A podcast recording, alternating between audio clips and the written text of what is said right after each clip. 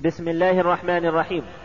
أيها الإخوة بموجب فهرس مكتبة الإبانة السمعية بجدة فإن رقم هذا الشريط هو أربعة وستون دال على ثلاثة وخمسين وستمائة وثلاثة آلاف وهو الشريط التاسع من شرح كتاب الصلاة من الروض المربع. وفي الركعة الثانية قرأ بعد الفاتحة. قل يا أهل الكتاب تعالوا إلى كلمة سواء بيننا وبينكم ألا نعبد إلا الله ولا نشرك به شيئا.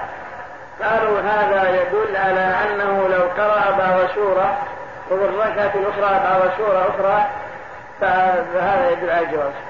ابن القيم يقول هذا في النفي الخاصة لأنه لم ينقل أنه قرأها في غير راتبة الفجر.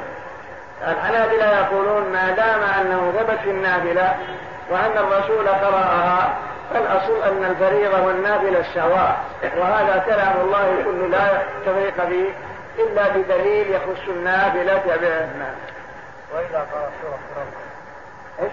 إذا قرأ سورة الضحى المغرب؟ نعم. لو قرأ مثلا قرأ الركعة الأولى مع العمران وركعتين من إيش؟ إذا قرأ طلب من ترتيب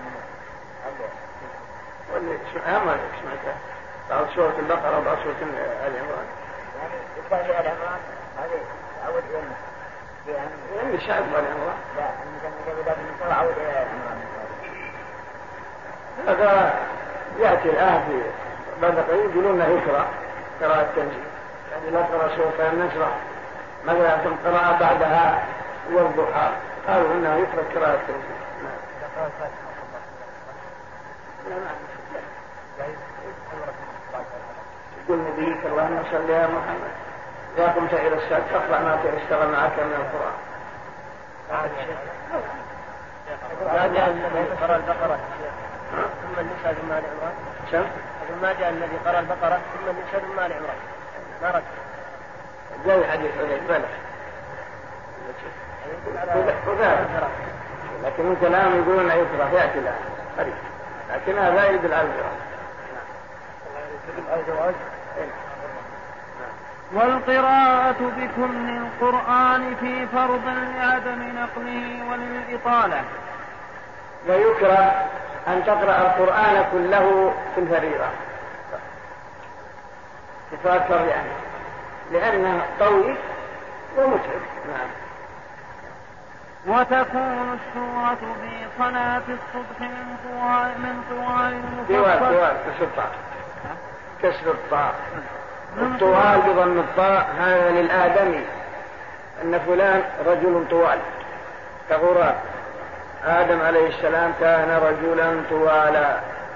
مو طوالا. والطوال بالكسر هو سورة القرآن طوالا. والمطوال طوال بالضم وإذا كنيت عن شخص وأن طويل جعلت التوصيف قلت فلان إن فلانا رجل طوالا. نعم.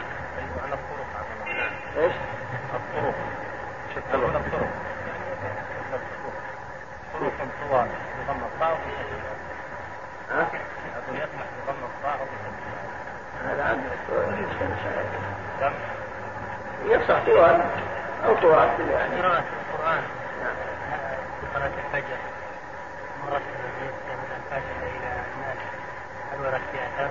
ما في معنى كل القرآن ما دام انه بس ما يؤذي الناس نعم ما فيها سبب يعني لا ما خطر مش الله عمر رضي الله عنه كان قرأ الفجر بالنحل وكان قرأ بيوسف وكان قرأ وابو بكر قرأ الفجر بسورة البقرة. قال يا أخي يا خليفة رسول كادت الشمس أن تطلع قال لو طلعت لم تجدنا غافلين.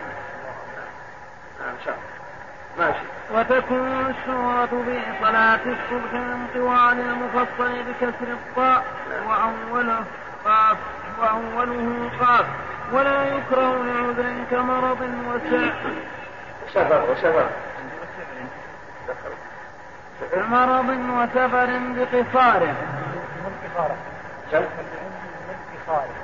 كفارة ولا يكره لعذر كمرض وسفر من قصاره.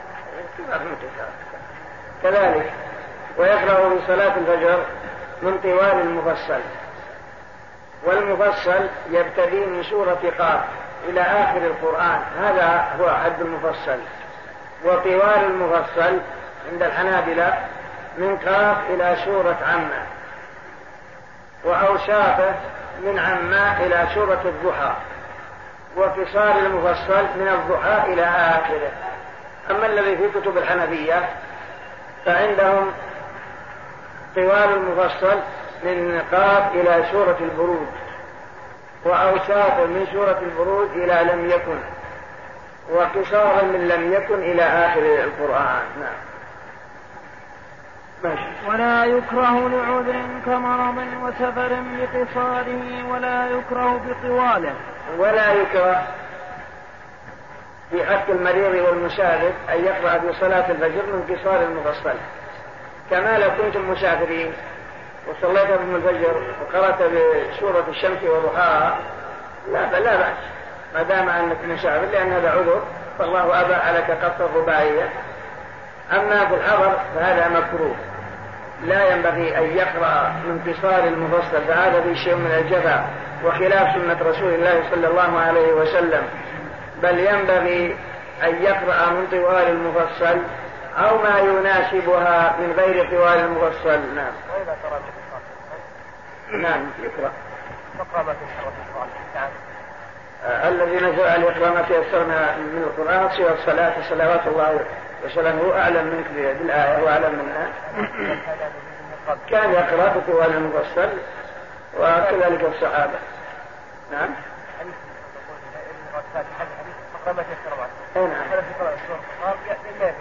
هذا ورد في النصوص وصية صلاة الرسول صلي في اليوم والليلة خمس مرات والصحابة أيضا قيموا من هذا فنحن نمشي على أثر الرسول على ما درج عليه الصحابة. الباقي يحتاج إلى دليل إن كان الصحابة أو الرسول نهى عن الاختصار عن الفاتحة وقال لا تقرأ لأن أعراب وعوام وجهلاء كانوا يسألون الرسول ويأمرهم بقراءة الفاتحة. بعض الأحاديث اقرأ ما تيسر معك من القرآن. هذا هو الذي يتيسر معك شوف. فعلا يصلي كما رأيتموني يصلي. وتكون السورة في صلاة المغرب من قصار يقول العلماء الحكمة في ذلك أن أن الفجر ليست إلا ركعتين. وأما بقية الصلوات فإنها ثلاث ركعات وأربع ركعات. فهاتان الركعتان. صارت الركعات ثنتين فالشريعة أمرت بطول القراءة جبرا لنقص الركعات فلما كانت الركعات ليست إلا ركعتين أمر الرسول فعل الرسول وأصحابه من أنهم يقرؤون بقراءات طويلة لأن الركعات ليست إلا ركعتين أكثر من من بقية الصلوات التي تعددت فيها الركعات نعم. اطلعت على كلام ابن القيم رحمه الله في من ناحية الاقتصار الاقتصار والمداومة على قراءه قصار في المغرب. نحب منكم معلوم سنة رسول الله يقرأ يقرأ مرة بالإعراء وقرأ مرة بسورة كما في حديث المفضل والمرسلات عرفا ولما سمعت من يقرأ قال فقد ذكرني هذا بصلاة رسول الله صلى الله عليه وسلم. وابن القيم بس قال كل في كتاب الصلاة. المهم إن المصلي يراعي في ذلك ما كان الرسول صلى الله عليه وسلم يفعله. هذا هو الذي ينبغي. يعني ما يسير عليه الان اغلب الائمه إلا من شدد الا من ندر منه. أغلب الناس اليوم الائمه في المساجد يقتصرون كأنها سنة لازمة على على قراءة الكفار والمغرب الرسول قرأ سورة الطور وزجر. قرأ سورة الطور المغرب. أيضا. إيه. هذا الجبير. المطعم. نعم. ينبغي ينبغي أن يلاحظ سنة رسول الله. أول مرة. قرأ وتكون السورة في صلاة المغرب من قصاره ولا يكره بطواله. نعم. وتكون السورة بالباقي من الصلوات كالظهرين والعشاء من أوساطه ويحرم تنكيس الكلمات وتبطل به. كذلك. وفي المغرب من قصاره ولا يكره أن يقرأ من طواله بل ينبغي أن يقرأ كما كان الرسول يقرأ فإنه قرأ في المغرب بسورة الطور وقرأ مرة بسورة المرسلات وقرأ مرة بسورة الأعراف. وكذلك أيضا نقل عن عمر أنه قرأ في المغرب بسورة الصافات إلى غير ذلك في بعض الأحيان. وكذلك العشاء والظهرين يقرأ بأوساط المفصل. وإنما الإنسان يراعي أحوال المأمومين مع هذا كله كما يأتي. ويحرم تنكيش الكلمات. هذا حرام وتبطل به الصلاة. لو قال مالك يوم الدين قال يوم الدين مالك. مثلا الرحمن الرحيم قال الرحيم الرحمن. هذا لا يجوز هذا تلاعب بالقرآن ويبطل الصلاة. ويكره تنكيس السور والآيات. ويكره تنكيش السور هذا عندهم. وتنكيش الآيات. ولكن لا شك أن تنكيش الآيات لا يقتصر على حد الكراهية. الذي يظهر أنه محرم. تنكيش الآيات. لأن نظام القرآن يختل كما ذهب إليه شيخ الإسلام ابن تيمية وابن نصر الله الحنبلي وجمع من أهل العلم فهل يشور أن تقول إياك نعبد وإياك نستعين مالك يوم الدين الرحمن الرحيم الحمد لله رب العالمين؟ اختل نظام القرآن اختل. أو تقول ختم الله على قلوبهم وعلى سمعهم وعلى أبصارهم غشاوة ولهم عذاب عظيم. إن الذين كفروا سواء عليهم أأنذرتهم أم لم تنذرهم لا يؤمنون. أولئك على هدى من ربهم وأولئك هم المفلحون. يعني الكفار هؤلاء. فالقول بالكراهة عندي أنا في نظر والشيخ في الدين يقول يجب ترتيب الآيات لأن القرآن يختل ويختل نظامه ويختل معانيه. لارتباط الآية بالتي قبلها ولارتباطها بما بعدها. نعم. يعني حرام. نقل هذا نعم ماشي تنكيش الشور عندهم مكروه. عندهم مكروه. نعم. ولا تكره لكن ظاهر ظاهر من جرى في جاء في أحاديث. جاء في أحاديث. مثل ما ذكر العزيز الرسول قرأ حدث عليه البقرة ثم قرأ سورة النساء ثم قرأ سورة العمران. وأظن جاء في حديث أنه قرأ قل يا أيها الكافرون وقرأ سورة إذا زلزلت الأرض زلزالها. لأن الرسول في بعض أسفاره نعم. ولا تكره ملازمة سورة مع اعتقاد جواز غيرها. ولا تكره ملازمة سورة يعني قراءة سورة مع اعتقاد جوازها. لو إنسان لازم قراءة قل هو الله أحد أبدا ولكن ما يعتقد. لو قرأ سورة غير أن ذلك لا بأس به. لا مانع.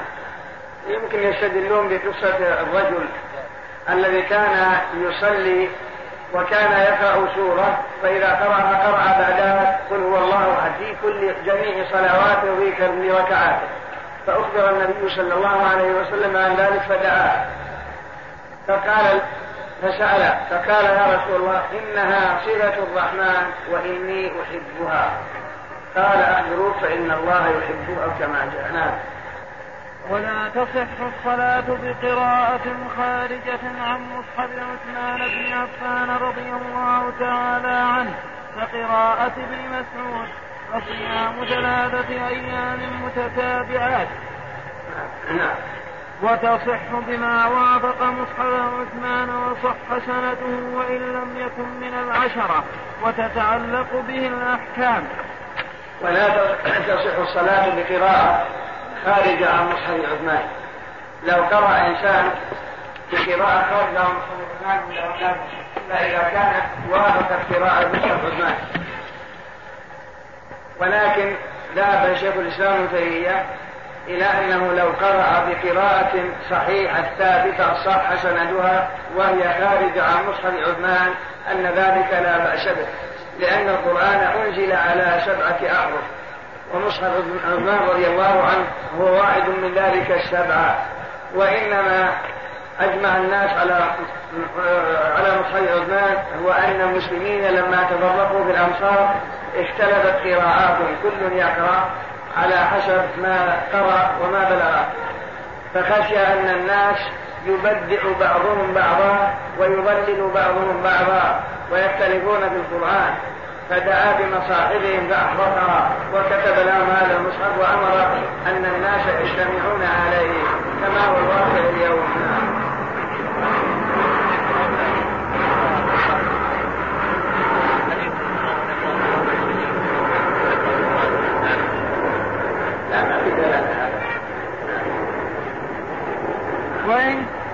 وإن وإن كان في القراءة لأن مصحف ابن مسعود؟ ما أظن ذكر بعض ما في سورة كل أعوذ برب الفلق وكل أعوذ برب الناس.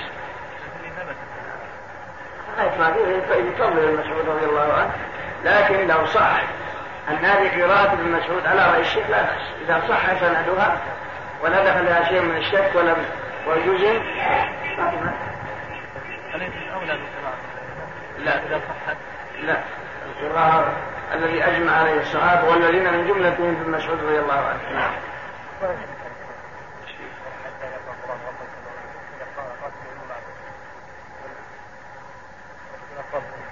ما ما ما ما دام الرسول يقول أنزل على سبعة أحرف وقراءة عثمان رضي الله عنه مصحف عثمان رضي الله عنه ما في ما يخالف قراءة ابن مسعود أبدا. القرآن الجديد ما قصة عمر ويا هشام بن العاص لما قرأ هذا سورة الفرقان. وقرأ هشام سورة الفرقان. قال عمر وأخذ بتلابيبه قال لا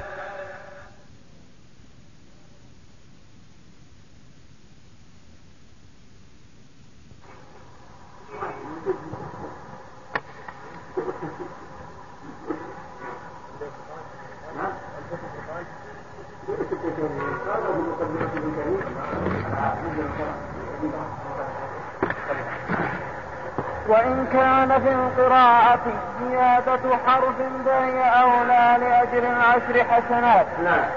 ثم بعد فراغه من قراءة السورة يركع مكبرا لقول أبي هريرة كان النبي صلى الله عليه وسلم يكبر إذا قام إلى الصلاة ثم يكبر حين يركع متفق عليه. رافعا يديه مع ابتداء الركوع لقول ابن عمر رأيت النبي صلى الله عليه وسلم إذا استفتح الصلاة رفع يديه حتى يحاذي منكبيه. وإذا أراد أن يركع وبعدما يرفع وبعدما يرفع رأسه متفق عليه. فإذا فرغ من قراءة الفاتحة وقراءة السورة رفع يديه وكبر للركوع. لحديث ابن عمر رضي الله عنه وهو أن النبي صلى الله عليه وسلم كان يرفع يديه حين يكبر ويرفع يديه عند تكبيرة الركوع ويرفع يديه إذا رفع رأسه من الركوع فهذه ثلاثة مواطن في الصلاة يرفع المصلي فيها يديه أولا عند تكبيرة الإحرام ثانيا عند تكبيرة الركوع ثالثا عند قيامه من الركوع. وهناك موطن رابع يرفع فيه يديه أيضا وهو إذا قام من التشهد الأول. الحنابلة لا يرون لا يرفع يديه إذا قام من التشهد الأول. ويقتصرون على ما في حديث ابن عمر هذا.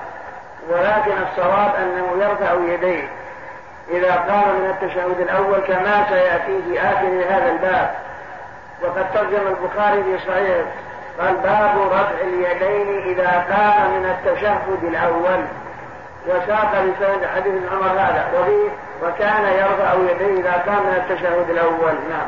رفع رفع وأنا جالس وإلا إذا إذا إذا كبر سنوات. عند النهوض أقول عند النهوض من التشهد يعني. يعني هو وأنا جالس؟ لا حالة النهوض نعم. نعم. يعتمد على الأرض في النوم يعتمد على الأرض إلى إلى أن الداهي نحن داود هذا القيامة يرفع إذا قام إذا قام من التشهد مو هو جالس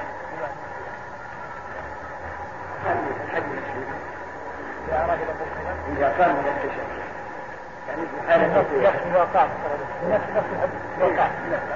نفس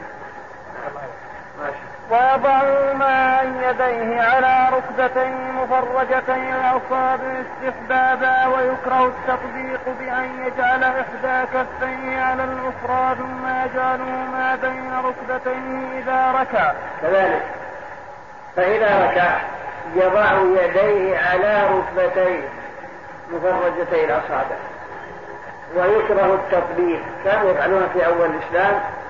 كان خبر ابن مسعود منوه عن ذلك. والتطبيق صيغته إذا ركعت تقول هكذا ثم تحط يديك بين الركب وانت راكع نعم. وهذا كان في أول الإسلام ثم نسخ. نعم. ويكون المصلي مستويا ظهره ويجعل رأسه حيال ظهره فلا يرفع ولا يخفض. وروى ابن ماجه عن وابصة بن عن وابصة بن معبد قال رأيت النبي صلى الله عليه وسلم يصلي وكان إذا ركع سوى ظهره. حتى لو حتى لو صب الماء عليه لاستقر ويجاري مرفقيه عن جنبيه. والمجزئ الانحناء كذلك يعني أنك إذا ركعت الركوع الكامل هو أنك تضع يديك على ركبتيك. وتحمي ظهرك ويكون رأسك محاذيا لظهرك ومشامتا له أي لا تصوب رأسك ولا تحفظه كما في حديث عائشة. فإن النبي صلى الله عليه وسلم إذا ركع لم يصوب رأسه ولم يشخصه. يعني ما تنزله ولا ترفعه بل يكون رأسك مشامتا لظهرك. ويكون ظهرك حالة الركوع مستوي كما في حديث وابصة. فإن النبي صلى الله عليه وسلم إذا ركع لو صب الماء على ظهره لاستقر. يعني تنبيه على تنبيها على أنه معتدل في ركوعه لم يكن بعضه أرفع من بعض ولا بعض ظهره أحفظ من بعض. رأسه مسامتا لظهره هذا هو المعنى. والمجزي من الركوع هو مجرد الوصول وصول اليدين إلى الركبتين في متوسط الخلقاء نعم.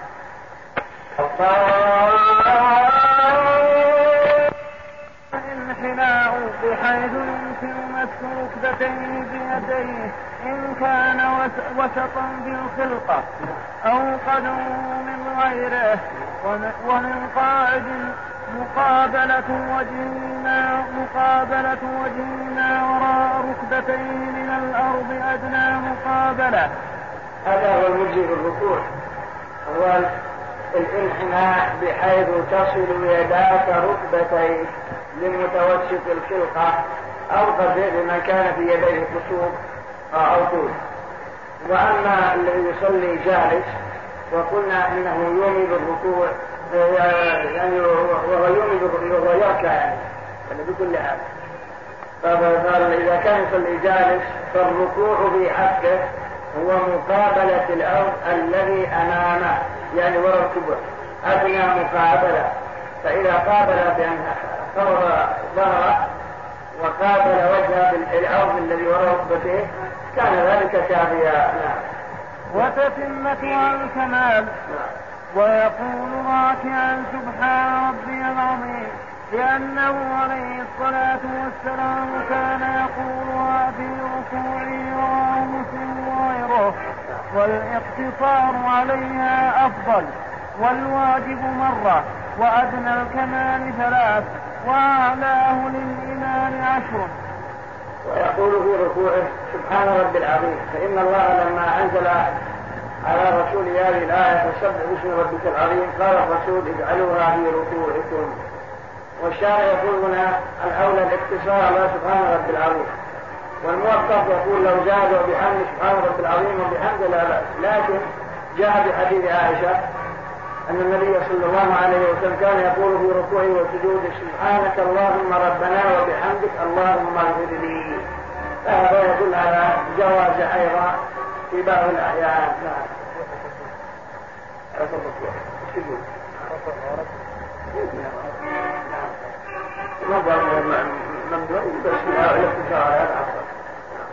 وقال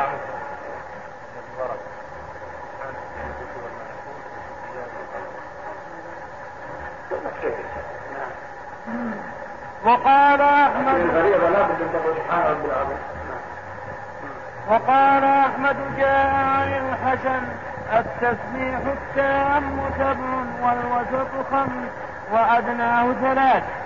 ثم يرفع رأسه ويديه لحديث ابن عمر السابق.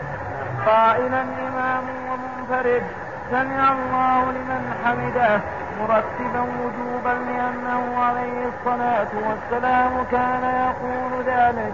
قاله في المبدع ومعنى سمع الله استجاب.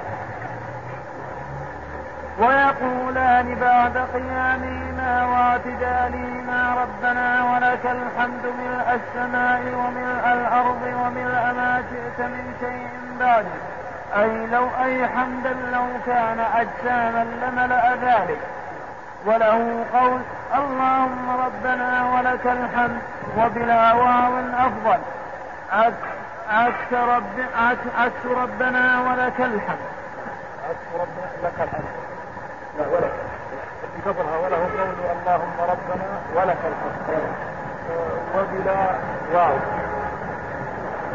عكس ربنا لك الحمد بلا واو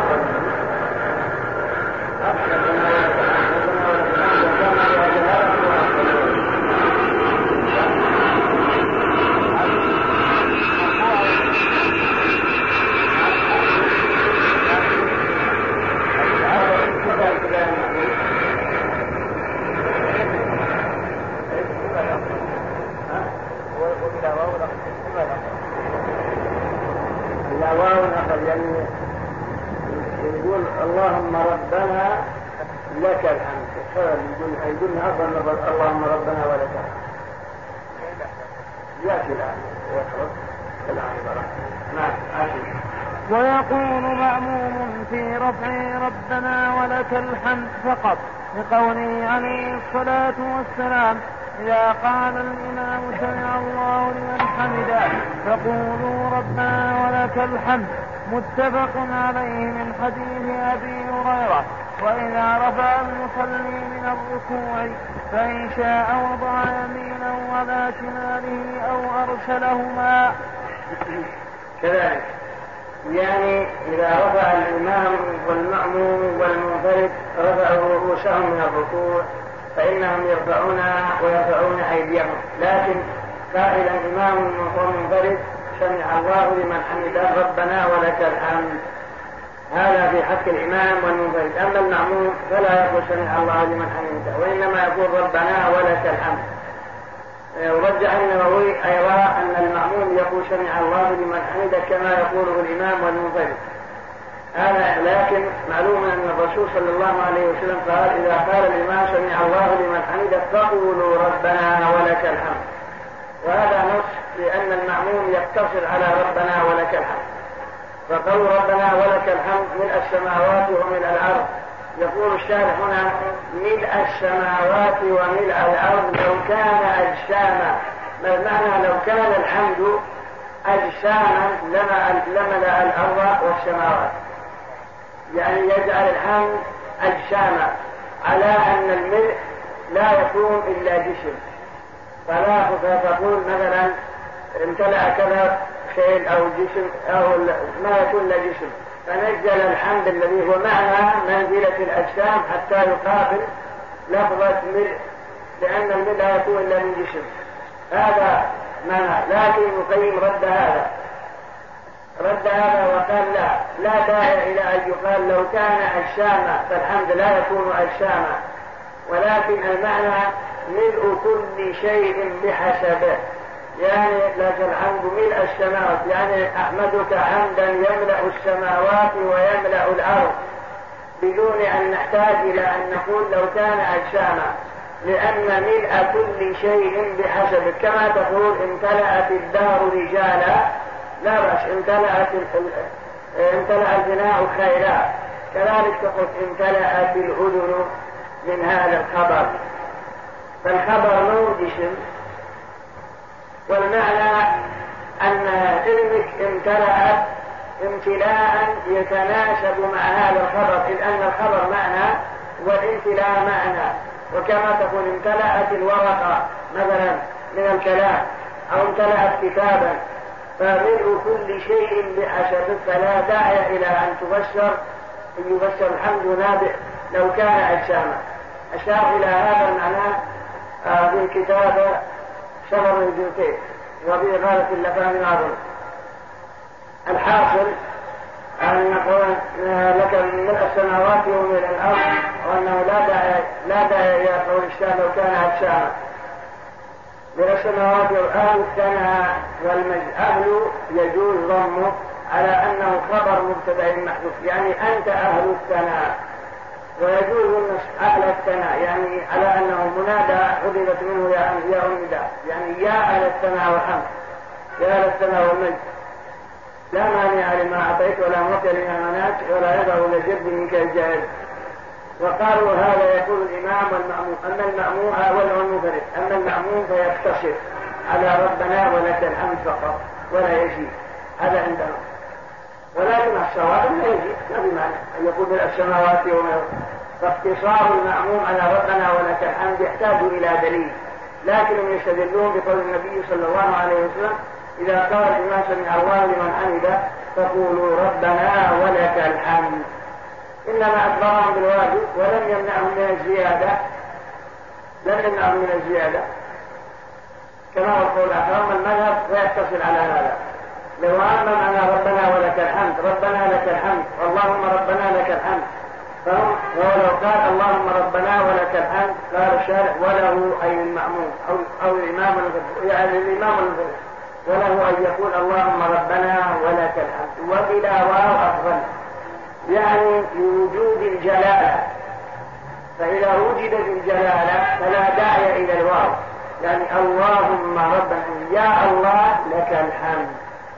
فإذا ذهبت الجلالة بل يقول ربنا ولك الحمد. فالواو أولى لأن المعنى ربنا استجب ولك الحمد على ذلك.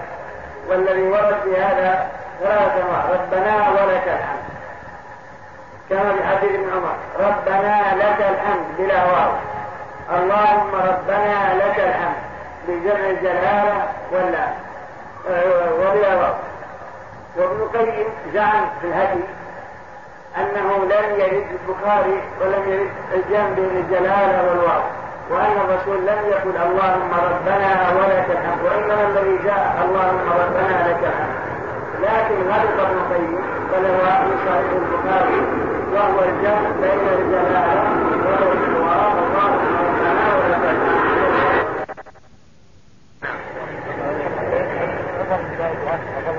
إيش؟ حديث ابن عمر اللي منكبيه اي نعم قال البخاري ما اي الحديث امامه شو يقول؟ قال البخاري رحمه الله. نعم لا قال يقول الإمام البخاري باب رفع اليدين في التكبيرة الأولى مع الافتتاح سوا. اي نعم حدثنا عبد الله بن مسلمة عن مالك عن ابن شهاب عن سالم بن عبد الله عن أبيه. أن رسول الله صلى الله عليه وسلم كان يرفع يديه حذو منكبيه إذا افتتح الصلاة. وإذا كبر للركوع وإذا رفع رأسه من الركوع رفعهما كذلك أيضا. وقال سمع الله لمن حمده ربنا ولك الحمد وكان لا يفعل ذلك بالسجود. قال الحافظ ابن حجر رحمه الله تعالى قوله باب رفع اليدين في التكبيرة الأولى مع الافتتاح سوا. هو ظاهر قوله في حديث الباب يرفع يديه إذا افتتح الصلاة. وفي رواية شعيب الآتية بعد باب يرفع يديه حين يكبر فهذا دليل المقارنة. وقد ورد تقديم الرفع على التكبير وعكسه وقد ورد تقديم الرفع على التكبير وعكسه أخرجهما مسلم. ففي حديث الباب عنده من رواية ابن جريج وغيره عن ابن شهاب بلفظ رفع يديه ثم كبر هذا هو عنده. الله إليك ففي حديث الباب عنده عند عند البخاري. آه. ففي حديث الباب عنده. أو عند مسلم. ففي حديث الباب عنده من رواية ابن جريج وغيره. عن ابن شهاب بلفظ رفع يديه ثم كبر وفي حديث مالك بن الحويرث. عنده كبر ثم رفع يديه. وفي المقارنة وتقديم الرفع على التكبير خلاف بين العلماء. وفي المقارنة وتقديم الرفع على التكبير خلاف بين العلماء والمرجح عند أصحابنا المقارنة. ولم أرى من قال بتقديم التكبير على الرفع. ويرجح الأول حديث وائل بن حجر عند أبي داود بلفظ رفع يديه مع التكبير. وقضية المعية أنه ينتهي بانتهاء وهو الذي صححه النووي في شرح المهذب ونقله عن نص الشافعي وهو المرجح عند المالكية وصحح في الروضة تبعا لأصلها أنه لا حد الانتهاء وقال صاحب الهداية من الحنفية الأصح يرفع ثم يكبر. خلاص. بعد شيء. ظاهر هذا ظاهر كلام ابن حجر إنه رواه مسلم فقط وأن البخاري ما في ثم يكبر حين يكبر ولكن ولا يحتاج إلى مزيد الشافعي يراجع مسلم. وكذلك يتبع البخاري في شيء من الألفاظ ثم يكبر يعني أنا اعرف أن سبق عند حسب البخاري ما ما خبر فيه ثم يكبر انما فيه حين يكبر وهذا معنى قول العلماء أنه يرفع يديه عند ابتداء التكبير وينهيها عند انتهاء التكبير فإذا قلنا ثم يكبر يعني يرفع يديه وإذا خلص كبر. لأن ثم تقتضي الترتيب والتعقيد إيش؟ ألا يكون التنويع ثم وحين وإذا؟ لا. ومع لا. ثم اللغة العربية تقتضي الترتيب. ترتيب أكبر ثم لا. ما قال بعد.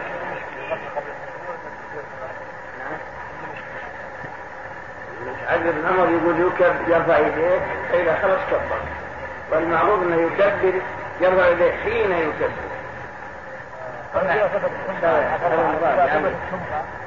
لكن هذا من حجر ذكر أنه مسلم أما البخاري ما اخذ أقول يراجع مسلم إذا ثبت عفى الله عنك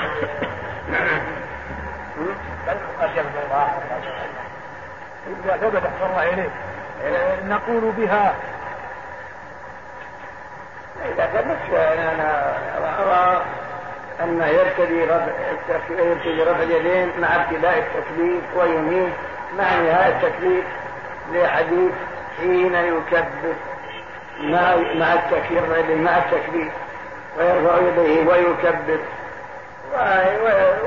فإذا كان كذا أولنا ثم أنها لا أنها لا تقدر الترتيب نعم التأويل في عديد لغة العرب فيها إذا صرف صارف ما تقدر إنما نقول أحسن الله إليك هذا من, من, من الأمر الواسع أن الإنسان يختار يعني سواء قدم أو أخر أو حين يكبر ولهنا ظاهر أحسن الله إليك. لكن ما أمكن الجمع بين الأحاديث أو لا لكن ابن حجر هنا ذكر رواية في مسلم أنه يكبر ثم يرفع يديه. اللي قرأته يقول يكبر لمسلم. الله أكبر ثم ترفع يديه لكن يقول ابن حجر لم أرى من قال بهذا. يقول ما أرى من قال بهذا القول. مع أن الحديث اللي ابن حجر قرأه نسب إلى مسلم أنه يكبر ثم يرفع يديه. يعني ترفع اليدين عقب انتهاء التكبير. وأجاب إلى مسلم وابن حجر يقول لم أرى لم لم أرى. كل ذكر أقول ما في حرج عليك عليك. ما في حرج علينا إذا ثبتت هذه عندنا. الحالات الثلاثة أن نقول بها. أنا أقول الحرج ما في حرج. الحرج. كل كل حرج كل ما في حرج. رفع اليدين كل سنة باتفاق المسلمين. ما مو واجب. فيها الحرج وانتهى الحمد لله. حتى لو ما رفع يديك النهاية نعم. شرط. ما يأتي من ناظر الدين لا.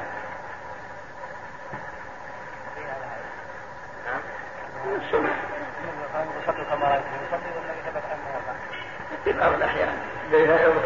هذه روايات مرة كذا مرة كذا مما يدل على أنه يرفع وكثير من الذين نقلوا سيرة سيرة صلاة رسول الله من أولها إلى لم يذكروا والمسلمون مجمعون على أن رفع اليدين سنة. يجوز. الجهر بآمين. أما الآن فنترككم مع مجلس آخر من هذا الشرح. ثم يخر مكبرا ساجدا على سبعة أعضاء رجليه ثم ركبتيه ثم يديه ثم جبهته مع أنفه ولو مع حائل ليس من أعضاء سجوده. ويجافي عضديه عن جنبيه وبطنه عن فخذيه. ويفرق ركبتيه ويقول سبحان ربي الأعلى ثم يرفع رأسه مكبرا ويجلس مفترشا يسراه ناصبا يمناه ويقول رب اغفر لي ويسجد الثانية كالأولى ثم يرفع مكبرا ناهضا على صدور قدميه معتمدا على ركبتيه إن سهل. ويصلي الثانية كذلك ما عدا التحريمة والاستفتاح والتعوذ وتجديد النية. بسم الله الرحمن الرحيم الحمد لله رب العالمين وصلى الله وسلم على نبينا محمد وعلى آله وصحبه قال رحمه الله تعالى ثم إذا فرغ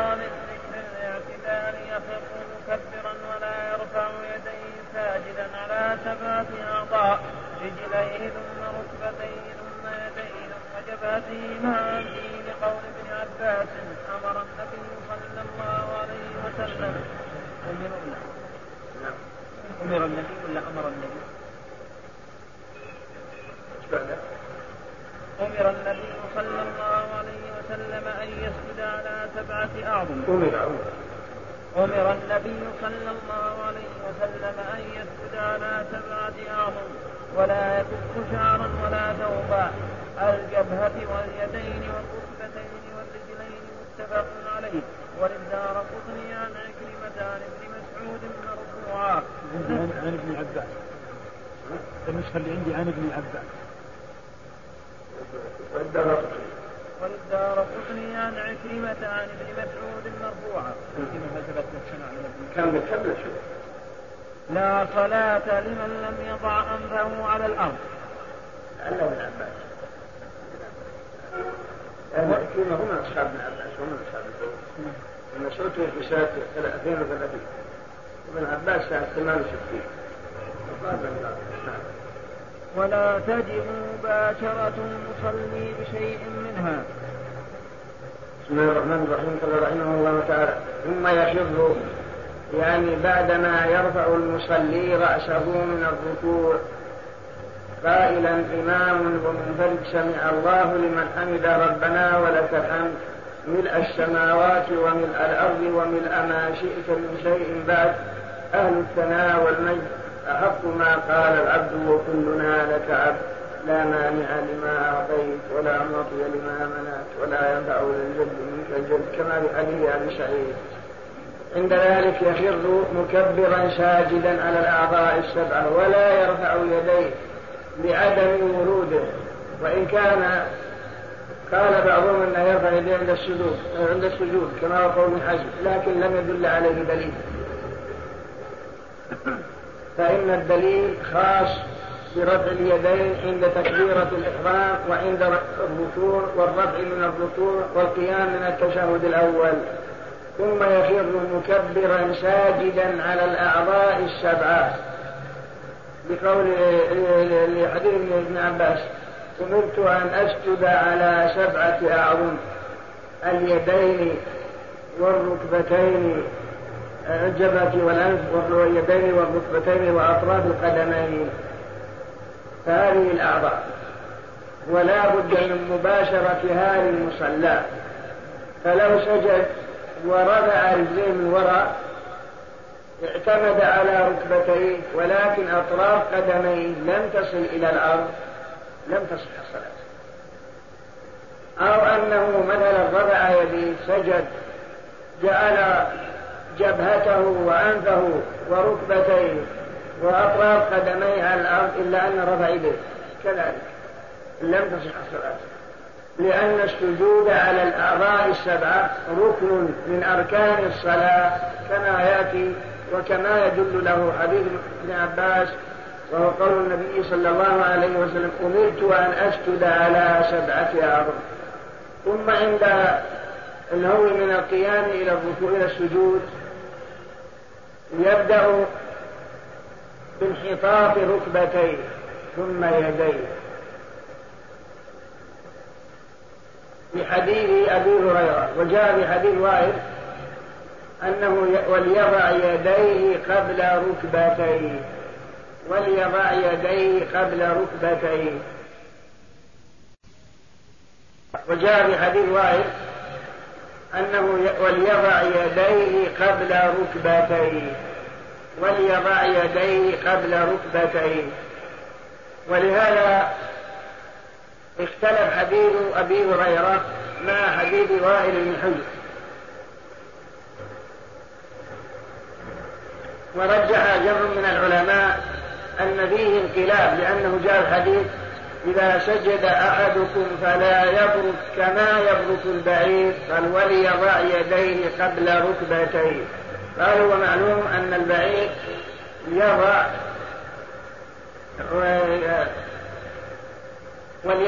قالوا وليضع يديه قبل ركبتيه.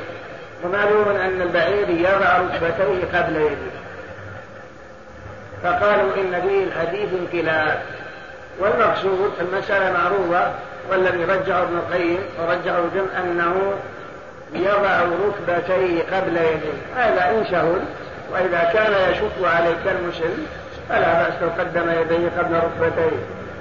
ويجابي عضديه عن جنبيه وبطنه عن ذكريه ويفرق بين ركبتيه. هذا في حالة السجود. لكن لا على وجه يؤذي من كان بجانبه. بل يجابي عضديه بحيث لا تلتصق بالجنبين. وكذلك يفرق بين الركبتين بحيث لا تلتصق هذه بالأخرى. ويرفع بطنه عن ذكره وهذا كله سنة. نعم. ولا تجد مباشرة المصلى بشيء منها فتصح ولو سجد مع الله إليك أقول أحسن الله إليك حديث تقديم اليدين على الركبتين أصح وله شواهد عفى الله عنه. وكلها ضعيفة هذا وهذا ولكن هذا له له طرق وله شواهد. ولا ولا لا طرق ولا شواهد كلها كل شواهد. يعني تقييده بالعاجز يحتاج إلى دليل عفى الله عنه. دليل الحديث إيش اللي وأما وأما ما زعمه العلامة ابن القيم رحمه الله فهو متعقب عليه عفى الله عنه ابن القيم هذا اجتهاد اجتهاد اللي وصل إليه ولكن الحديث صريح.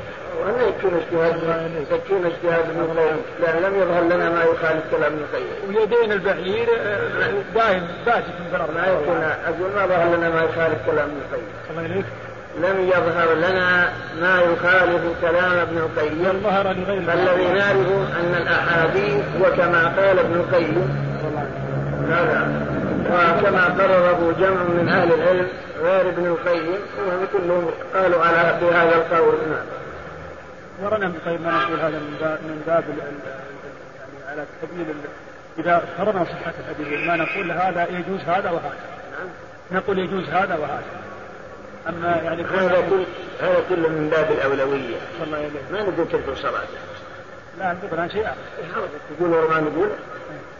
إذا إذا إذا جاء هذا أصل. المهم إذا قلنا بطلان صلاة تقول ولا ما أما ما دمنا نقول هذا يجوز وهذا يجوز إلا أن هذا من باب الأولى. وإذا قلنا أن هذاك من باب الأولى ما في حرج شوف.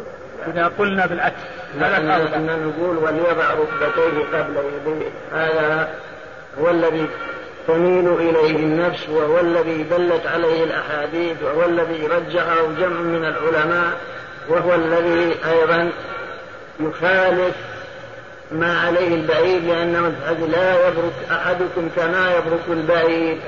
هذا الحديث عبد الله عنه؟ وليضع يديه قبل ركبته هذا؟ اثبات أي البعير يضع يديه أي البعير يضع يديه صار المراد وليضع ركبتيه قبل يديه كما في حديث وعد.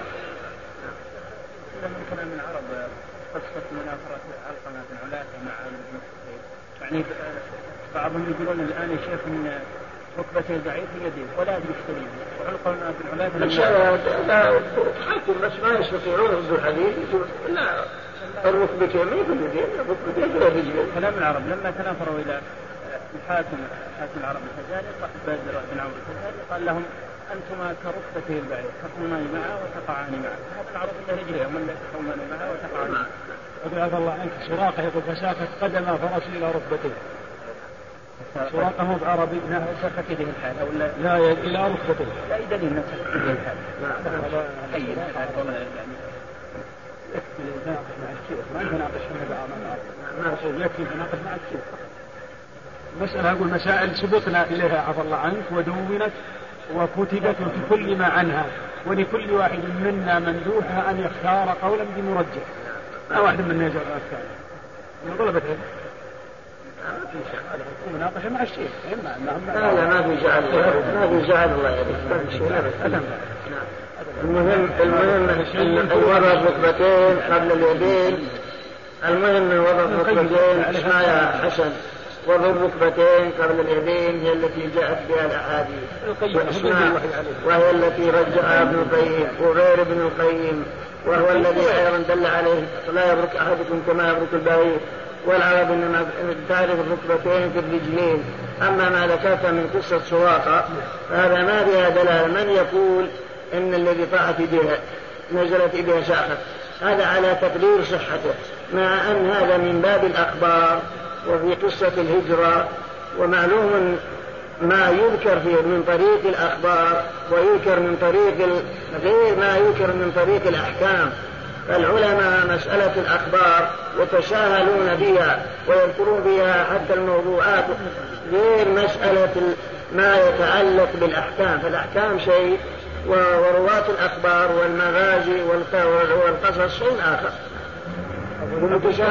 العلم ما ما عليه حرج عفى الله عنك. ونحن لا نغلو لا في ابن القيم ولا في ابن تيمية. ما حد الرسول صلى الله عليه وسلم.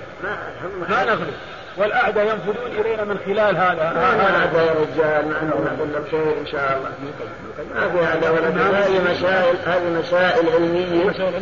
هذه مسائل بحثها العلماء بحثها العلماء والحق والحمد لله فيها واضح. والأعداء ما هم جايين في مسألة الركبتين واليدين. يجون في مسائل أخرى الخلاعة والدعارة والشبع لو ما ما جايين إلا الاعداء مو جايين إلا يكون كما يديه قبل رجليه قبل ركبه قبل شعر لا شيء كما نعم. ولا تجد مباشرة يقولون الصميم اللي ما يخرب العقيدة ولا هذا كله جائز يقولون ما يفسد العقيدة ويشكك في دين الرجل. وكون هي يكون طالب العلم الصغير اللي مثل يستدرك على ابن القيم أو غيره لا يطعن في إمامة ابن القيم وجلالته طلبة العلم كلهم يستفيدون من بعضهم وينظرون إلى الأدلة وينظرون إلى إلى الاستدلال. اسمع. ولنا سلف في هذا ما علينا حرج مو ما عليك حرج. لكن لكن اللي يريد أن يطعن فيكتب ويجمع الآثار. خلى يعتبرون ان نطعن ابن على حد تعبيرك أنت.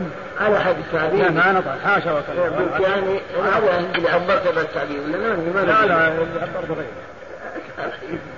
غير من جريمة نستفيد منه ولكن ليس معنى هذا. يعني كل ما يدونه أو يقرره يعني لا مجال لأن يستدرك عليه أو ينظر فيه أو يرجح غيره. عفى الله عنه. هو أحد المعصوم. ما نقول ابن القيم أو ابن تيمية أو محمد بن عبد الوهاب أو الإمام أحمد أو البخاري أنهم معصومين. ابدا. وكل الله كل له الحق في المجال. ما في شيء. وابن القيم مثل ما امس قريب في في درسنا قلنا إنه غالب في ربنا ولك الحمد. اللهم رب وغالب في اللهم صل على محمد. وغالب في أشياء كثيرة. واضطرب أيضا في مسألة وضع اليدين على الصدر أو على سرة. اضطرب كلام في اعلان موقع خالف ما قرر في البدائع الفوائد. وهذا شيء معروف. ما نقول انه معصوم. لكن ما نستطيع ما دام ظهرت الأدلة الآن أن نرد على ابن القيم إلا بدليل. فلو مثلا جمعت أنت الطرق طرق الحديث اللي أنت تريده والآثار وكلام ابن القيم ثم ناقشته. سلمنا شرعت على كلام سلمنا لك. أما مجرد الكلام كنا نقول في ابن القيم إنه معصوم لا أو نقول أن العالم الفلاني معصوم بقلبه لكن بس ما نستطيع أن نخطي أو نخالفه أو مثلا وقد نخالف ما تشتري إذا دل الدليل خرجنا على طول. لكن ما دام أن الدليل بما يظهر أنه مثل ما ذكر هو نور اسمع اسمع مثل ما ذكره رحمه الله. لا نستطيع إلا إذا جئت أدلة واضحة مقنعة. أنا اخترت من أتى بأدلة اخترت رأي من من أتى بأدلة ورجحت ما ذهب إليه. ولا عليه حرج سلفا. اخترت ما ما ما, ما نلومك. أنت اخترت من جاب الأدلة إحنا اخترنا من هذا هو. ورجحنا اللي يرجح. فلا تجد مباشرة المصلى بشيء منها فتصح ولو تجد الصواب ما بالشك إنه يضع ركبتين قبل بلا شك وهذا هو الذي تشهد له الأدلة بلا تردد. ولو وضع يديه قبل ركبته لا حرج. لكن هذا من باب الافضل والأولوية. وجه أهل الحديث بشيء معروف كلام العرب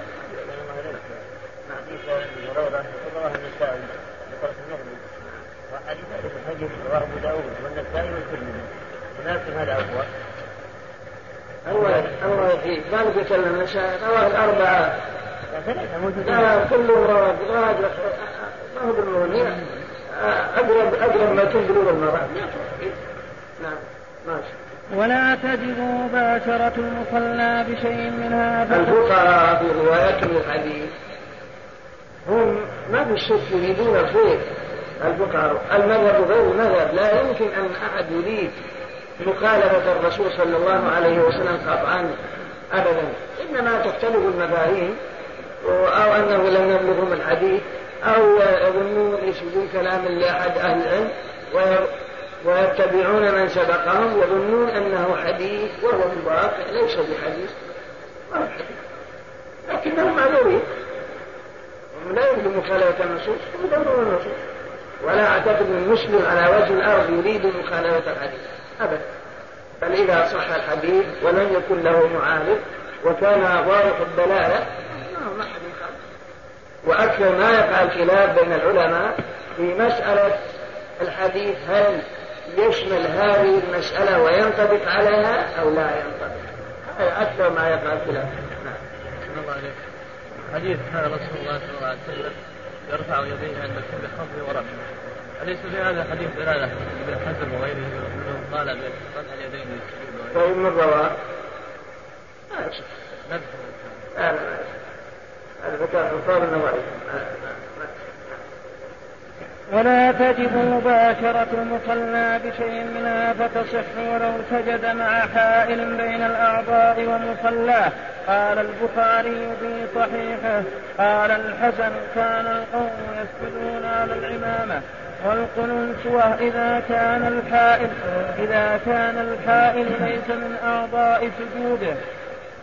قال لا ولا تجب مباشرة الأعضاء للمصلى بل لو كان هناك حائل لا بأس مثاله لو كنت تصلي في الصحراء مثلا في أيام البرد ودخلت يديك يدشتك حتى يأتيك حرارة الشمس أو برودة الأرض لكنها باشرت الأرض إلا أن وضع الحائط فلا بأس هذا هو المعنى. لأن الصحابة كانوا يسجدون على عمائمهم يعني يبسط الواحد عمامته ويسجد عليها وقاية من الحرارة. نعم. فإن جعل بعض فإن جعل بعض أعضاء السجود فوق بعض كما لو وضع يديه على فخذيه أو جبهته على يديه لم يجزه. فلو وضع بعض أعضائه على بعض لم يجزه. بأن وضع يده اليمنى على يده اليسرى هكذا. هذا لا يجوز لا يجوز. لأنه لم يكن ساجدا على الأعضاء السبعة نعم. ويكره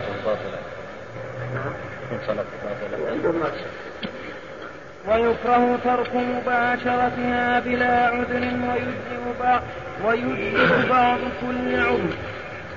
ويكره ترك مباشرة المصلى بلا عذر. وكذلك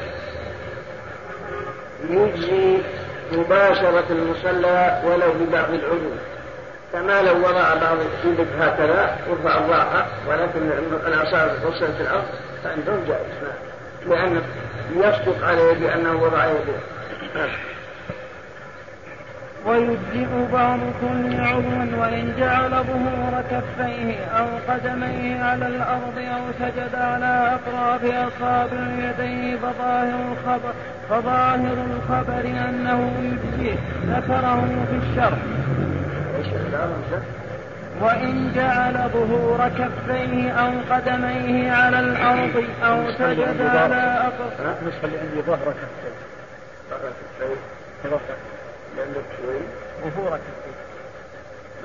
آه. وإن جعل ظهور كفيه أو قدميه على الأرض أو سجد على أطراف أصابع يديه فظاهر الخبر أنه يجزيه. كذلك. ولو وضع على الأرض آه، يديه بأن وضع ظهورهما على الأرض هكذا. آه، أو بعض قدميه فظاهر الخبر أنه يجزيه لأنه يسقط عليه السجود على سبعة الأعضاء هذا في نظر. نعم. ومن عجز بالجبهة لم يلزمه بغيرها. ومن عجز عن السجود بالجبهة لم يلزمه بغيرها. لو قال مثلا ما يستطيع يسجد على جبهته بأن يكون فيها له عذر ما نقول عاد ميل راسك تكتب هكذا. أو ضع لحية محل وجه أو فمك على الأرض وارفع جبهتك لا. لأن المطلوب منه هو وضع جبهته على الأرض. ويومئ ما يمكنه. ويومئ ما يمكنه إذا كان لا يستطيع أن يوصل جبهته الأرض نعم ويجافي الساجد عضديه عن جنبيه وبطنه عن فخذيه وهما عن ساقيه ما لم يؤذ جاره. ويفرق ركبتيه ورجليه وأصابع رجليه ويوجهها إلى القبلة. وله أن يعتمد بمرفقيه على فخذيه إن طال. كذلك. ويجافي عضديه عن جنبيه في حالة السجود. في الركوع كما تقدم. ويرفع بطنه عن فخذيه في حالة السجود. ويفرق بين ركبتيه في حالة السجود. ويعقد أطراف أصابعه موجها بها إلى القبلة في حالة السجود.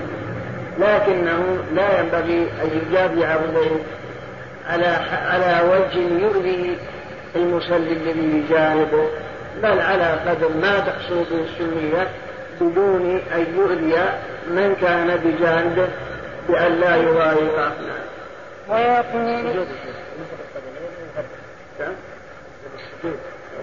يلزق القدمين أو يفرق. الأولى إيش؟ يلزق القدمين في الجنب أو يفرق. لا. يفرق ما دام بيفرق بين الركبتين ويفرق ويفرق ركبتيه ورجليه وأصابع رجليه ويوجهها إلى القبلة. وله أن يعتمد بمرفقيه على فخذيه وإن طال ويقول بالسجود سبحان رب الأعلى على ما تقدم في تسبيح الركوع.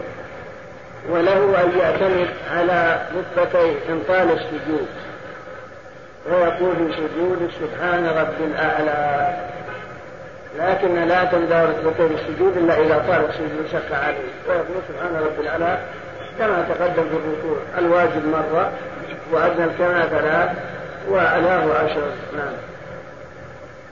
ثم يرفع رأسه إذا فرغ من السجدة مكبرا ويجلس مفترشا يسراه أي يسرى رجليه ناصبا يمناه ويخرجها من تحت ويخرجها من تحته ويثني أصابعها نحو القبلة.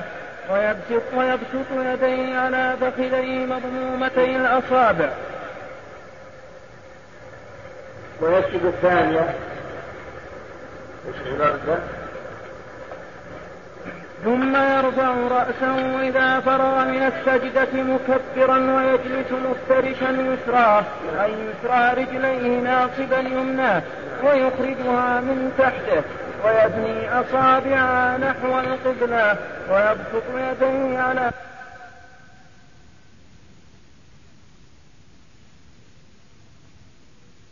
يديه على فخذيه مرمومتي الأصابع. كما يفعله في التشهد الأول سواء بسواء نعم.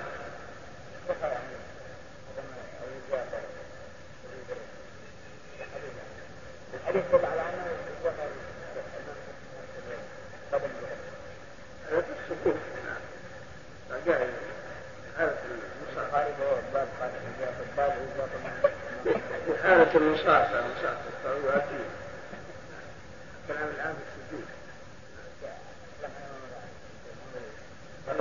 أما هو مع المناكب والأصعبة لا تقدم هذا في حالة السجود إذا صار في حالة القيام أما إذا سجد ويقول بين السجدتين رب اغفر لي الواجب مرة والكمال ثلاث. ويقول بين السجدتين رب اغفر لي الواجب مرة والكمال ثلاث وهذا أيضا من المفردات رب لي مذهب جمهور العلماء أن السنة وليس بواجب. نعم. ويسجد السجدة الثانية كالأولى فيما تقدم من التكبير والتسبيح وغيرهما ثم يرفع من السجود من السجود مكبرا أيضا على صدور قدميه ولا يجلس للاستراحة. كذلك. ويسجد الثانية كالسجدة الأولى يفعل في السجدة الثانية نظير ما فعله في السجدة الأولى من إنصاف السجود على سبعة الأعضاء ومن المجافاة يقول سبحان رب الأعلى إلى غير ذلك مما تقدم ثم يرفع مكبرا ناهضا على صدور قدميه. وقد بحث بعض العلماء في مسألة السجود لما كان المصلي يسجد سجدتين في كل ركعة والركوع ليس إلا ركوعا واحدا. فقال بعضهم السجدة الأولى هي امتثالا لأمر الله سبحانه وتعالى حيث أمره بالسجود. ثم لما قام من السجدة الأولى وجلس سجد ثانية شكرا لله إذ وفقه بأن سجد السجدة الأولى ولم يكن كإبليس الذي أمر بالسجود فأبى. فالأولى امتثالا لأمر الله والثانية شكرا لله إذ أعانه على أداء تلك السجدة الأولى. وقيل إشارة إلى أنك خلقت من تراب. سجدت السجدة الأولى امتثالا لله والثانية تنبيه بأن هذا مآلك وهذا هو أصل وجودك منها خلقناكم وفيها نعيدكم ومنها نخرجكم تارة أخرى. نعم. هل يترتب على هذا؟ لا. يعني لو قيل تعبد تعبد؟ ها؟ لو قيل تعبد يعني ما في مانع. ما يترتب. كم ترك واجب من تقول ربك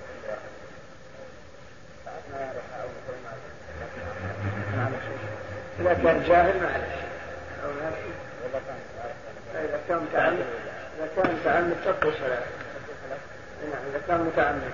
إذا كان جاهل ثم يرفع من السجود مكبرا ناهضا على صدور قدميه ولا يجلس للاستراحة.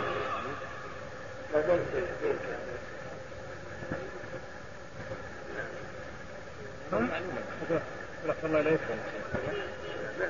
نعم.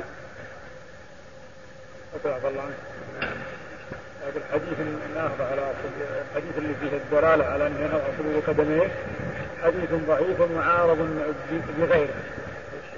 معارض بغيره يعني حديث يدل على أنه ينهض على على, على يده والنهض على صدور هذا معتمدا على ركبتيه ان شاء الله ناهضا على صدور قدميه ها؟ ناهضا على صدور قدميه وهذا الحديث ضعيف معارض بغيره هذا حسب معلوماتي اللي عندي أحسن الله إليك. نعم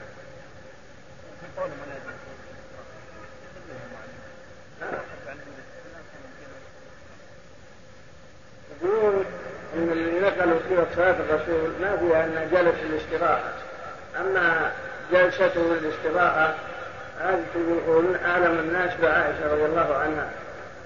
ولم يكن يفعلها الاستراحه إلا بعدما كبر وبدا وكثر لحمه. فهو يجلسها للاستراحة لا لأنها سنة بل لأنه ثقل هذا ما فعلها من باب أنها من سنن الصلاة لأنه لم يكن يفعلها قبل ولم ينقلوا أنه كان يلبسها وإنما فعلها أخيرا لما بدن وثقل وكبر لحمه فجاء صار يجلس للاستراحة لا على وجه السنة والفضيلة بل على وجه طلب الراحة لأنه يشق عليه. هذا قوله. يقول كما حدث ذلك عنه عائشة رضي الله عنها. خلاف أحمد أنه مش والله. أقول لو فعلها مرة وتركها. معروف أنه لم يفعلها لكن أخيرا فعلها. زي سبب عليه الكلام. وهو ملازم على هذه الجلسة. ويكتبون الإمام ما يكون دم منهم يمكن أن يقاموا في جالس. هو الإمام. بثوب السنة يسن الواجب. ومتابعة ما هم الله ما ينبغي ما دام نعم قام من وجلس ثم لما قام من الجلسة استغفر بعد ما يقوم من الجلسة إيش؟ يعني أراد أن الاستراحة. يقوم من السجود ثم يجلس ثم إذا قام من جلسة الاستراحة استغفر لئلا يسقطه منه. هذا هذا من بس يصير جالس والمأمومين ساجدين يعني ما ما حصلت المتابعة. المطلوبة من كل وجه. المتابعة أن أفعال المأمومين تقع عقب أفعال إمامه إذا كبر فكبروا وإذا ركع فاركعوا. فالباء تقتضي الترتيب باتصال. وإذا وضع رأسه من السجود فارفعوا. رؤوسكم كما ورد قالوا إن الفاء هنا تقتضي الترتيب باتصال. كما هو معروف في كتب النحو. والفاء للترتيب باتصال وثم للترتيب طبعا بين بين السجدتين وكذلك هذا يكون نعم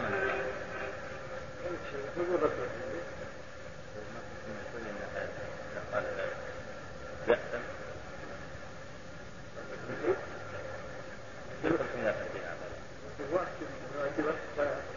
هذا الذي يفهم أولا الذي يمكن يأخذ مثل سواء ردا على الشرع إذا ترك واجبا لا بأس إذا ترك أي نعم هذا تركها فعلت هذا لكن إذا تركها عمدا المرأة تبطل الصلاة إذا ترك تبطل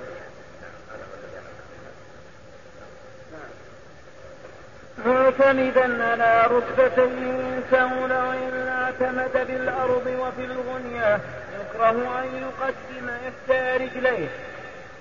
وفي الغنية يكره أن يقدم إحدى رجليه. معناه يعني إذا قمت قائم الصف قدمت اليمنى واليسرى في محله. أو اليسرى كذلك. أو عبد الغني عبد القادر يقول يكره. ينبغي أن تكون رجليك متقابلة لا تتقدم هذه على على الثانية عبد القادر الجيلاني ويصلي الركعة الثانية كذلك أي كالأولى. عدا التحريمة أي تكبيرة الإحرام والاستفتاح والتعوذ وتجديد النية فلا تشرع إلا في الأولى لكن إن لم يتعوذ فيها يتعوذ في الثانية. ثم يصلي الركعة الثانية كالأولى سواء بسواء ما عدا التحريمة فإن التحريم خاص بالركعة الأولى والتكبيرة الثانية هذه تكبيرة انتقال ما هي تحريمة مع التميمة والاستفتاح الركعة الثانية لا يستفتح وإنما الاستنفاق خاص بالركعة الأولى. على التعليمة والاستنفاق والتعوذ. أيضا هذا عندهم. من أن التعوذ خاص بالركعة الأولى. الثانية عندما تقرأ الحمد لله رب العالمين دون أن تقول أعوذ بالله من الشيطان الرجيم. إنما هذا خاص بالركعة الأولى. ولكن هذا فيه نظر الظاهر أن ما في مانع. فيما لو حتى الركعة الثانية والثالثة لأنها ابتدأ القراءة من جديد والله يقول فإذا قرأت القرآن فاستعيذ بالله من الشيطان الرجيم ولا هناك دليل يمنع من هذا. وهو الرواية الثانية عن أحمد أيضا اختارها جمع من العلماء. ما عدا التحريمة والاستفتاء والتعوذ وتجديد النية أي أنه لا يجدد نية جديدة في الركعة الثانية بل نيته مبنية على مستصحبا للنية الأولى التي نواها عند تكبيرة الإحرام. فلا نقول إن كل ركعة تنوي أن هذه ثانية التنوي أن هذه ثالثة التنوي أنك انتهيت من الأولى وبدأت في ما يليها لا. يكفي يكفي استصحاب النية إلا أن ينبغي آه، أن أن تكون ذاكرا لها وإلا لو عجبت عن ذلك وهو مشترك في عبادته فيكفيه الاستصحاب نعم.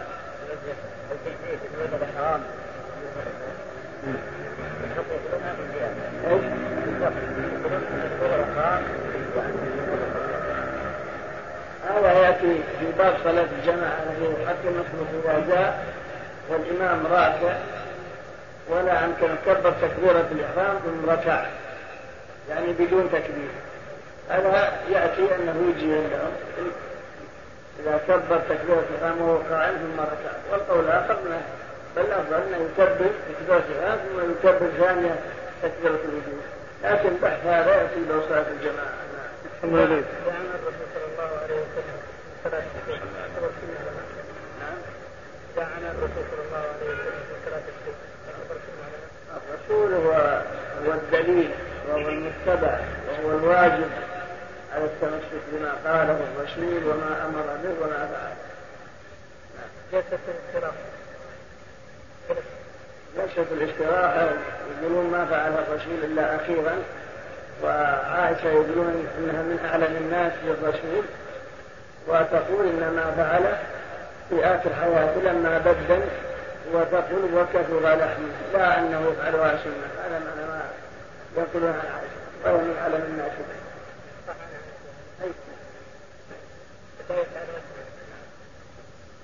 نعم.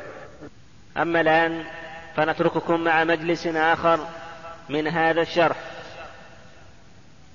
ثم يجلس مفترشا ويداه على فخذيه يقبض خنصر اليمنى وبنصرها ويحلق إبهامها مع الوسطى ويشير بسبابتها في تشهده ويبسط اليسرى ويقول التحيات لله والصلوات والطيبات السلام عليك أيها النبي ورحمة الله وبركاته السلام علينا وعلى عباد الله الصالحين أشهد أن لا إله إلا الله وأشهد أن محمدا عبده ورسوله. هذا التشهد الأول. الحمد لله رب العالمين. وسلم على نبينا محمد وعلى آله وصحبه قال رحمه الله تعالى بعد فراغه من الركعة يجلس مفترشا كجنود بين السجدتين ويدعو على فخذيه ولا يمكن ركبتيه يقبض وعنده اليمنى ويخلق إبهامها مع بأن يجمع بين رأس فتشبه الحلقة بالحديد ونحوه. رحمه الله تعالى بعد الفراغ من الركعة الثانية يجلس في التشهد الأول وصفة الجلوس الأول من جنس بين السجدتين وأنه يفترس رجله وينشد اليمنى موجها أطراف رجله إلى القبلة وكذلك أيضا واضعا يديه على فخذيه ولا يمكنهما ركبتين يعني إذا جلس للتشهد هكذا. ولا ركبتين هكذا يعني تجعل اليمين على نفس الركبة. إنما تجعلها على البكر هذا معنى ولا يمكنهما يقدر خنصر يده اليمنى وبنصيرها ويعلق الإمام مع من جنس الحلقة هكذا. ويقدر أن الفصل والمنشر وهذا معنى ما جاء في الحديث وعقد 53 هذا حساب العرب إذا قال كذا هذا 53 فإنهم يحسبون على عشر الأصابع من واحد إلى تسعين. ثم أيضا إذا فتح أصبع كذا وإذا ولشمس الدين الموصلي قصيدة في هذا الموضوع في مسألة كيفية الحساب بالأصابع وهو حساب معروف عند العرب. غير مسألة الحساب بالأصابع عند البرميين فالحساب عند البرميين على شيء آخر. بالنسبة إلى ما يكتب بالأوراق يعني الذي كانت العشرات والمئات والآلاف وأحد الآلاف وأحد مئات الألوف وأحد الملايين. فهذا إذا لم يكن مع الإنسان قلم يستطيع أن يحس بأصابعه بسهولة؟ فمثلا في مسألة الضرب والطرد وال بأصابعه بدون أن يحتاج إلى قلم على ما ذكروه في كتب الجنزرة فهذا ليس من هذا القبيل في شيء وإنما الذي كان عقد غير وخمسين هكذا وإذا فتحت خطوات واحدة صار عدد معين معروف. ثم يشير بأصابعها بسبابتها يعني إشارة إلى الوحدانية. والسبابة لهذا بقي سؤال بقي سؤالان. جاء الحديث أنه يشير بسبابته لما سميت هذه سبابة ثم ما هي الحكمة في كون يشير إلى الوحدانية بأصبعه هذا دون بقية أصابعه. فهذان السؤالان ما الجواب عنهما أولا لما سميت سبابة ذلك السؤال الثاني ما هي الحكمة في تخصيص هذا الأصبع. عند قولك أشهد أن لا إله إلا الله بهذا الأصبع خاصة وعلى قول ابن رسول الله ومع وعلى ما والملك تشير بها عند ذكر كل جلال التحيات بالله. كل جلالة تشير بأصبعك السبابة. ما هي الحكمة؟ في تخصيص السبابة دون غيرها من بقية الأصابع. نعم. أحسن الله إليك. فيه فيه تعريف الاستخبار نعم يقول يجوز أن تسميت بذلك بتحريفها في وقت السر هكذا ما للسبابة وخصت بالإشارة والله أعلم اتصالها بنيات القلب. بس وش العبارة في السبع ما في والله. أولا السبابة يقولون لأن عادة العرب ما يقولون إذا سب شخص آخر يشبه عن شفاعة كذا يقول السبابة إذا حميت الطاووس يسب يسب أصبعه سنة سبابة والتخصيص عند كلمة التوحيد قالوا ان الاصبع هذا خاصة مرتبط بنيات القلب بعروق القلب. فله من القلب ارتباطا أكثر من بقية الأصابع فلهذا يشير عند الهولنه وعند التشهد الذي فيها وحدانية الله بأصله ارتباطها بالقلب واتصالها بنيات القلب. يعني الدليل تجربة ولا ناحية طبية أنه تصل بنيات القلب؟ يمكن طبية. يمكن طبية. من علم التشريع. يعني من علم التشريع. لما خرج من الحديث مع نعم ويشير بسبابتها من غير تحريف من تشهده ودعائه بالصلاة وغيرها عند ذكر الله تعالى تنبيها على التوحيد.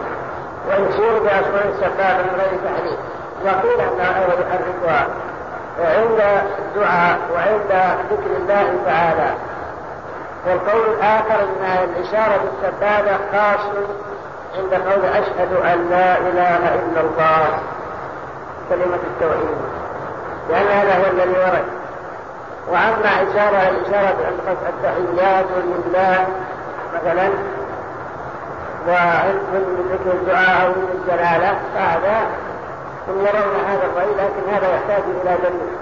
إن كان خاصا من العديدة فنعم وإلا فالمعروف في حديث ابن عمر الصحيحين أنه يشير السبابة عند قول أشهد أن لا إله إلا الله. نعم.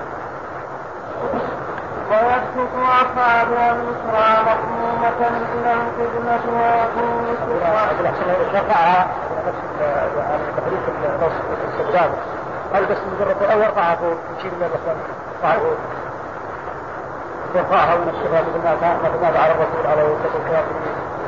لما خطب الناس وعرضها صلى الله عليه وسلم. كيفية هذه يعني كذا كما يرفع؟ ما رفع يعني في البيان لم يشير إلى إلى إثبات العلو إنما يشير إلى التوحيد. أما الرسول هذا يستشهد الله عليهم لما قال لهم ألا هل بلغت قالوا محمد أسأل اللهم أشهد اللهم أشهد إيش؟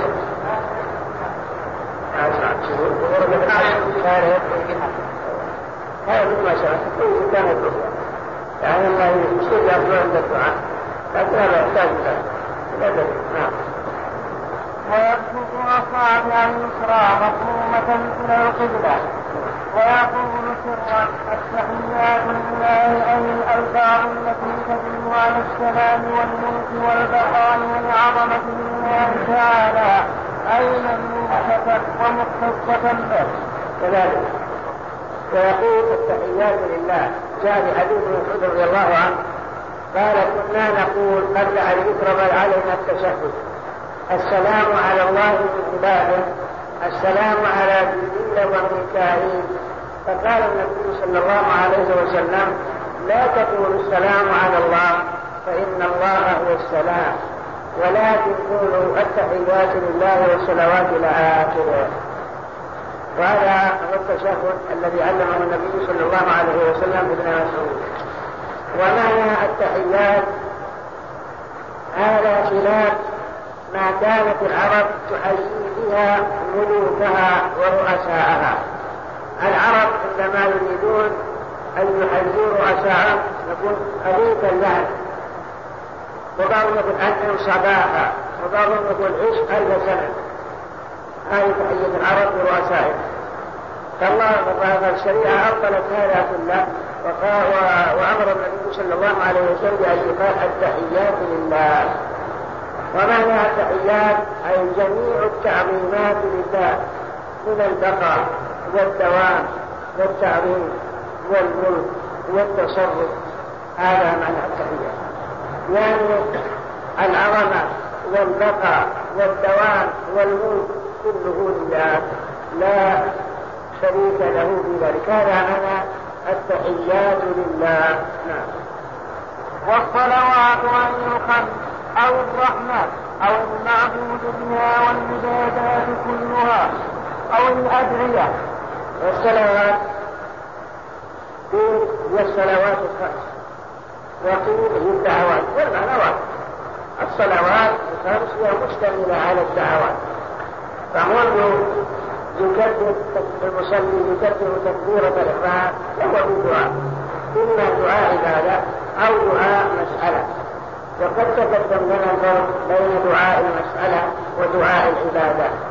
وأن أحدهما مستلزم بالثاني والثاني متضمن بالآخر وهذا كله قد مضى بيانه. الصلوات أي الصلوات الخمس أو الدعوات. فإنها لله وحده لا شريك له فلا يجوز لك أن تصلي لغيره ولا أن تدعو غيره بما لا يقدر عليه إلا نعم.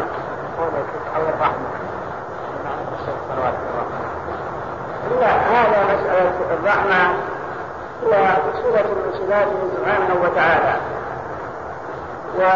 وقد تقدم لنا في أول الكتاب عند كلام الشارع على أفضل المصطفين محمد صلى الله عليه وسلم الحمد لله الحمد لله أفضل ما أفضل ما أيها وصلى الله على أفضل المصطفين محمد. قال الشاعر الصلاة من الله الرحمن. ومن الملائكة ومن من الدعاء. ومن الملائكة الاستغفار إلا أن تفسير الصلاة بالرحمن غلط. وأنه لا يسلم له ولا لغيره من أن الصلاة هي الرحمة كما ثبت في أول كتاب. وقلنا أن القول المعتمد في تفسير الصلاة على الرسول هي ثناء الله على عبده في الملأ الأعلى كما أتاه البخاري في صحيحه. وأن الصلاة غير الرحمة فلا يتفسر الصلاة بالرحمة. فالله قد غير بينهما في قوله تعالى أولئك عليهم صلوات من ربهم ورحمة وأولئك هم المهتدون.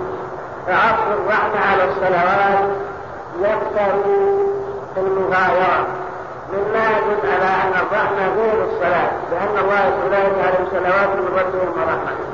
وذلك الصلاة تتأدى بأنا صلى الله عليه صلى الله على محمد.